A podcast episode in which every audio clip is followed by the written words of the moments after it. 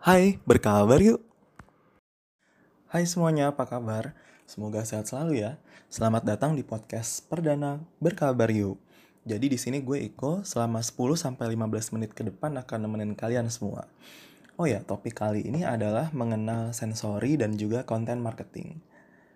Nah, kalian di sini udah pada tahu belum konten atau sensori marketing? Oke, kalau belum, kayaknya kita bahas sensori marketing dulu kali ya. Oke, jadi sensori marketing itu adalah strategi pemasaran yang mengoptimalkan panca indera manusia. Nah, sensori marketing ini terbagi menjadi lima. Kenapa lima? Karena menyesuaikan dengan panca indera manusia tentunya.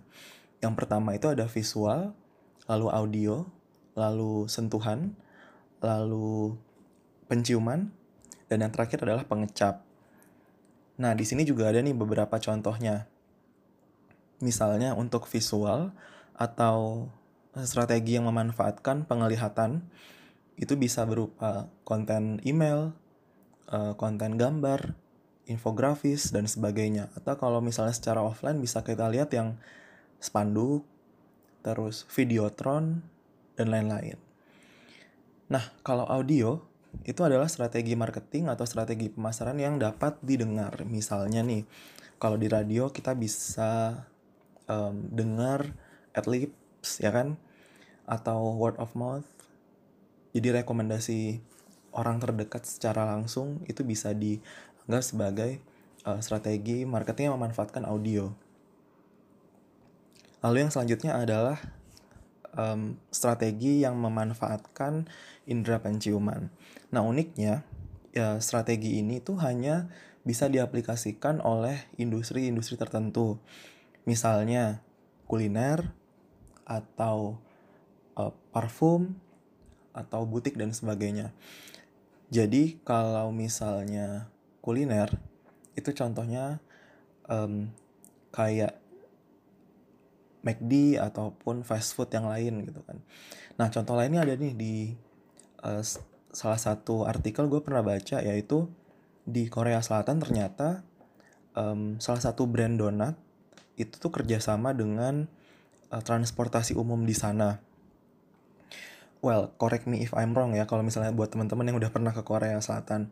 Jadi di artikel itu disebutkan bahwa um, si donat si brand donat ini itu dia pasang LCD um, di dalam bis tersebut dan juga dia memasang speaker plus uh, meletakkan parfum um, di bis tersebut. Nah uniknya parfumnya itu tuh um, adalah fragrance atau essence yang sesuai dengan wewangian donat atau kopi yang disajikan di outlet mereka gitu. Jadi um, teknisnya adalah ketika iklannya itu jalan di uh, eh, LCD-nya, maka parfum itu akan um, nyemprot gitu jadi kayak um, sehingga wewangian itu akan tercium ya di dalam uh, bis tersebut ya kan jadi orang-orang yang ada di situ atau penumpangnya langsung akan fokus ke wangian tersebut dan akan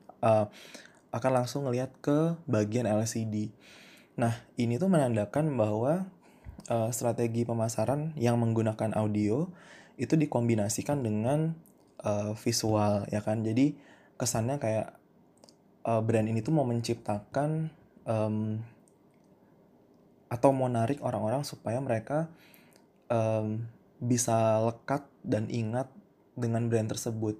Ya kan jadi seolah-olah kita kayak ya semua brand kan tentunya pasti pengen nih brandnya itu jadi top of mind kan. Nah ini adalah salah satu strategi yang dilakukan oleh brand donat tersebut gitu. Terus yang selanjutnya ada strategi memanfaatkan sentuhan. Biasanya strategi ini um, dimanfaatkan oleh toko elektronik, terus toko fashion juga, um, terus toko apa lagi ya?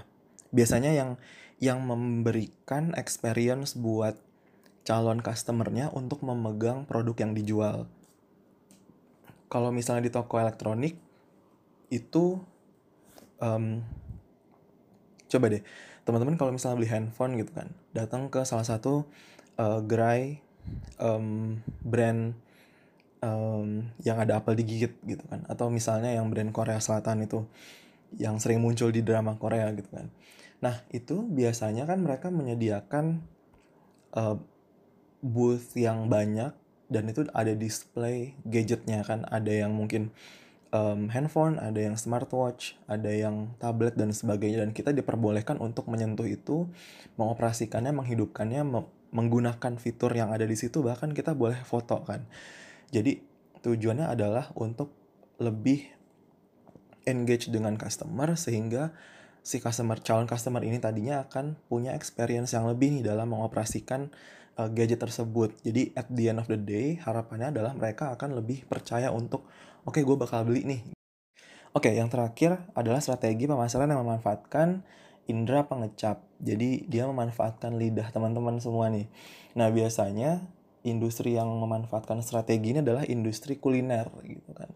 Karena mereka biasanya akan memprovide tester untuk dijual. Jadi kalau teman-teman beli kue di toko bakery ataupun beli duku, beli duren gitu. Biasanya penjualnya akan memberikan tester dulu nih sebelum pada akhirnya teman-teman beli buah atau produk uh, tersebut gitu. Jadi um, mungkin ini udah uh, terlaksana dari uh, lama ya. Maksudnya strategi ini sudah dimanfaatkan oleh banyak industri kuliner gitu. Jadi teman-teman yang punya uh, bisnis kuliner ataupun F&B bisa mengaplikasikan strategi tersebut gitu. Jadi setelah kita udah tahu nih definisi sensory marketing, contoh dari sensory marketing, berarti kita bisa narik garis kesimpulan bahwa intinya konten marketing itu adalah um, strategi pendekatan dalam kegiatan pemasaran yang fokus pada pembuatan dan distribusi konten yang sifatnya itu relevan, konsisten dan juga punya nilai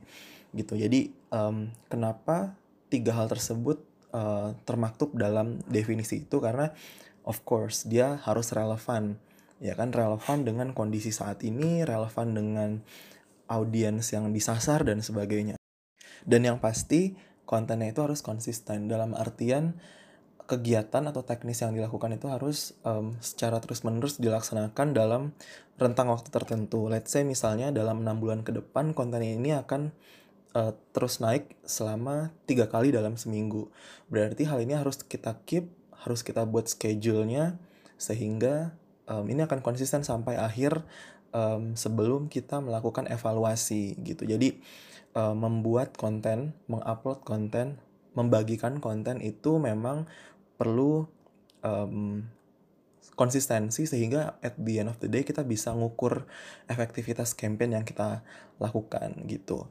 Nah, uh, selanjutnya kita ngomongin soal ini nih um, intinya ada nggak sih kalau misalnya mau buat konten marketing itu syarat-syarat yang ditentukan. Nah sebenarnya kalau mau buat konten marketing tentu ada syarat yang harus di um, ketahui nih kenapa sih kita perlu ada syarat-syarat tertentu tersebut.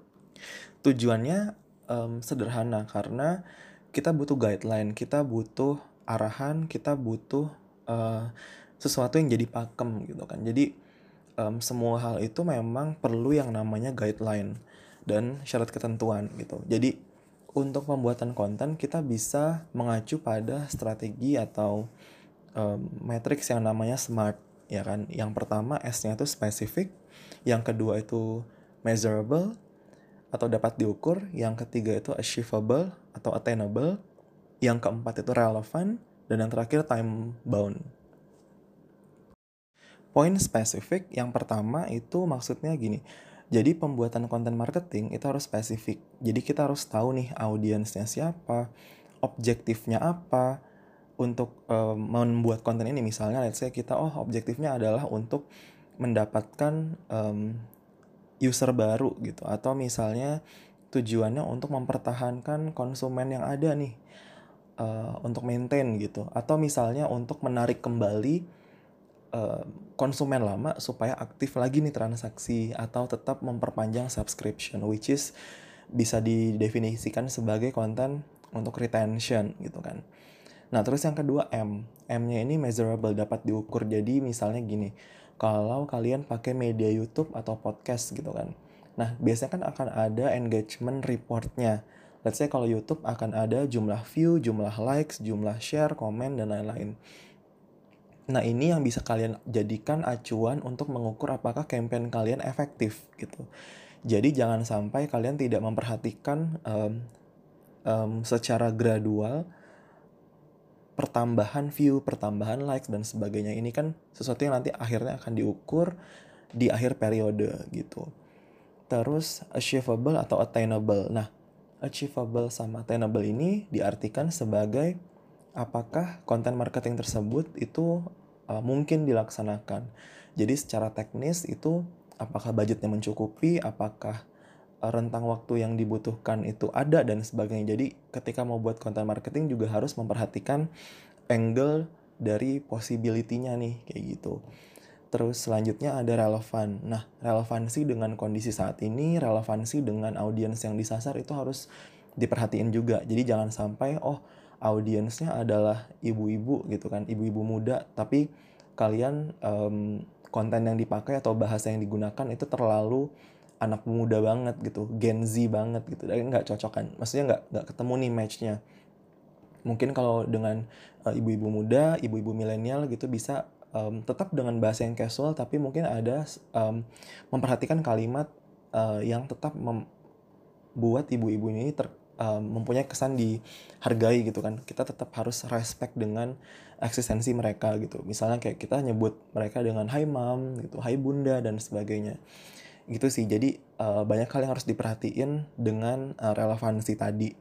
Gitu. Jadi jangan sampai let's say contohnya yang lain misalnya kalian mau nyasar bapak-bapak yang yang uh, suka um, traveling gitu kan. Tapi kalimat yang digunakan terlalu um, kaku. Ya kan? Atau nggak fleksibel. Sehingga mungkin ini nggak make sense atau nggak matching. Gitu terus yang terakhir adalah time bound nah time bound ini lebih kepada um, kalian harus menentukan nih timeline ataupun uh, rentang waktu dalam menyelenggarakan campaign tersebut atau konten marketing itu akan naik dalam waktu berapa bulan nih.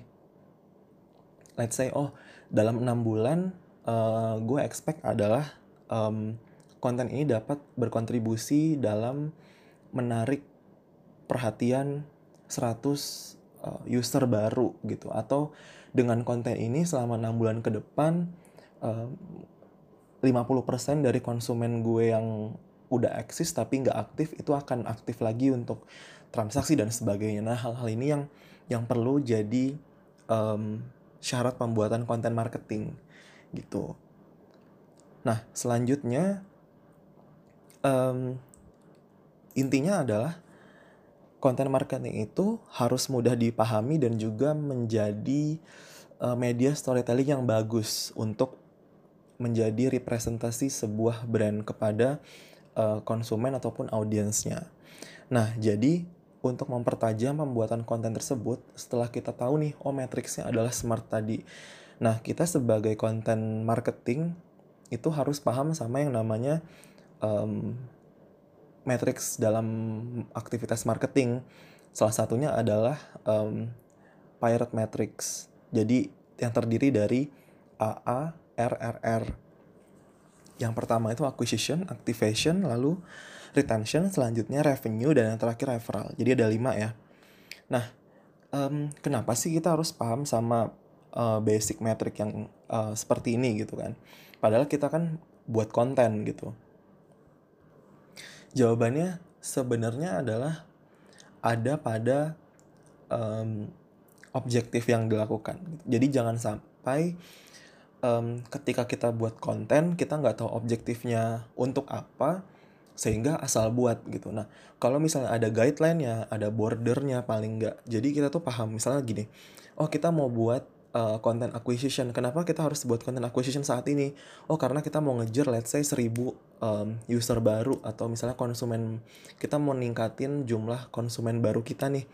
Berarti konten yang dibuat itu harus uh, bisa mengajak orang yang belum tahu brand kita bisa tahu, bisa kenal, bisa jadi penasaran dan pada akhirnya mereka akan transaksi atau misalnya jadi user kita kayak gitu. Terus yang selanjutnya adalah activation. Nah, activation ini mungkin ketika didefinisikan akan berbeda-beda di setiap industri. Misalnya nih, activation ini bisa ditandai ketika si calon user ini sudah uh, buat uh, akun uh, untuk atau register deh, register di salah satu platform yang dimiliki sebuah brand gitu. Misalnya kalau kalian punya uh, toko fashion gitu kan, terus kalian ada websitenya gitu mungkin uh, ketika mereka udah subscribe uh, dan masukin email itu bisa dihitung sebagai activation. Atau misalnya kalian adalah startup yang baru dan punya aplikasi gitu kan. Um, activationnya bisa ditandai ketika mereka sudah buat akunnya udah login gitu kan. Terus melakukan transaksi pertama itu sudah bisa disebut dengan activation dan sebagainya lalu ada juga konten untuk retention nah retention ini kayak seperti yang udah aku bilang di awal yang udah dipaparkan itu uh, retain gimana caranya kita mempertahankan konsumen yang sekarang udah ada tapi mungkin dari segi transaksi, segi order dan lain-lain itu lemah gitu, lesu. Nah, gimana caranya membangkitkan lagi supaya kontribusi mereka terhadap keuntungan kita atau perusahaan itu meningkat lagi. Nah, Hal-hal seperti ini sebenarnya wajib diketahui oleh content marketing sehingga ketika nanti let's say marketing manajernya ataupun head marketingnya menginstruksikan untuk oke okay, um, lu buat konten uh, untuk acquisition ya gitu. Jadi si content marketing ini atau content writer ataupun copywriting atau social media content dan sebagainya itu udah paham oh konten yang dibuat harus seperti ini karena mau mengajak orang baru yang notabene non konsumen menjadi konsumen gitu. Nah, tadi kan kita udah ngebahas semua hal yang yang berkaitan dengan konten marketing ya kan. Ya dari pertama kita udah kenalan sama yang namanya sensory marketing, kita udah tahu contoh dari sensory marketing, kita udah ngebahas soal uh, metrik smart yang bisa digunakan dalam uh, pembuatan konten marketing. Kita juga udah mengenal yang namanya uh, metrics uh, atau pirate metric gitu kan um, yang terdiri dari acquisition, activation, retention, revenue dan referral gitu. Nah, um, jadi uh, sebagai summary mungkin kalau ditanya nih konten marketing yang tepat untuk sebuah brand itu yang kayak gimana sih? Atau konten marketing yang efektif dilakukan untuk mendukung campaign gitu misalnya. Kita bisa recap dari pembahasan di awal, intinya yang pertama sesuaikan dulu nih brandnya dengan sensory marketing yang tadi di awal. Kamu udah tahu kan, pasti brand kamu misalnya bergerak di bidang apa, audiensnya siapa, um, lalu produk yang dijual atau jasa yang ditawarkan itu seperti apa gitu kan. Nah, pastikan um, strategi pemasarannya itu sesuai dengan sensory marketing yang ada. Let's say simple kayak misal tadi kalau industrinya um, jualan parfum gitu kan ya manfaatkanlah um, misalnya um, indera penciuman yang dimiliki oleh calon customer gitu. Let's say misalnya kalian punya outlet, ya um, bisa memanfaatkan uh, strategi um, penciuman tadi gitu kan. Atau simple simple misalnya kalian um, punya restoran ataupun toko kue gitu um, strategi memanfaatkan indera pencium uh, sorry indera pengecap itu sangat sangat direkomendasikan gitu jadi kalian tinggal um, intinya tinggal mix and match aja strategi mana yang uh, kurang lebih menyesuaikan nih dengan um, usaha kalian atau produk kalian atau brand kalian sendiri gitu. Nah yang kedua atau selanjutnya yang pasti ketika membuat konten itu harus smart ya kan. Jadi um, untuk membuat campaign yang efektif, konten yang efektif itu harus mengandung poin um, spesifik, ya kan, measurable atau dapat diukur, achievable mungkin dilakukan, ya kan, terus relevan dan yang terakhir time bound, oke. Okay? Dan yang terakhir intinya konten marketing itu tuh harus punya story di dalamnya, ya kan, punya objektif pasti dan uh, yang terakhir mudah dipahami um, sama audiens yang kalian targetin. Nah, oke, okay, jadi um, kurang lebih itu aja informasi yang bisa uh, aku share di podcast perdana uh, berkabar yuk kali ini. Kita udah ngebahas soal sensory marketing dan juga konten marketing. Nah, buat teman-teman yang mungkin punya saran, punya kritik membangun terkait dengan podcast berkabar yuk, bisa kirim ke email berkabaryu@gmail.com atau melalui Instagramnya berkabar yuk. Jadi Instagramnya @berkabaryu. Kalian bisa sampaikan apa yang ingin kalian um, sampaikan gitu kan. Bisa komen, bisa kritik dan sebagainya. Nah, uh, jadi nanti dari input yang teman-teman kasih itu akan uh, eh, gue gunakan sebagai uh, masukan tentunya dan juga mungkin referensi sebagai konten-konten selanjutnya. Oke, jadi uh, itu aja. Dan terima kasih banget yang udah dengerin sampai habis. Semoga isi dari podcast ini bermanfaat dan bisa memberikan referensi untuk pembuatan konten marketing di uh, kebutuhan kalian masing-masing. So, see you.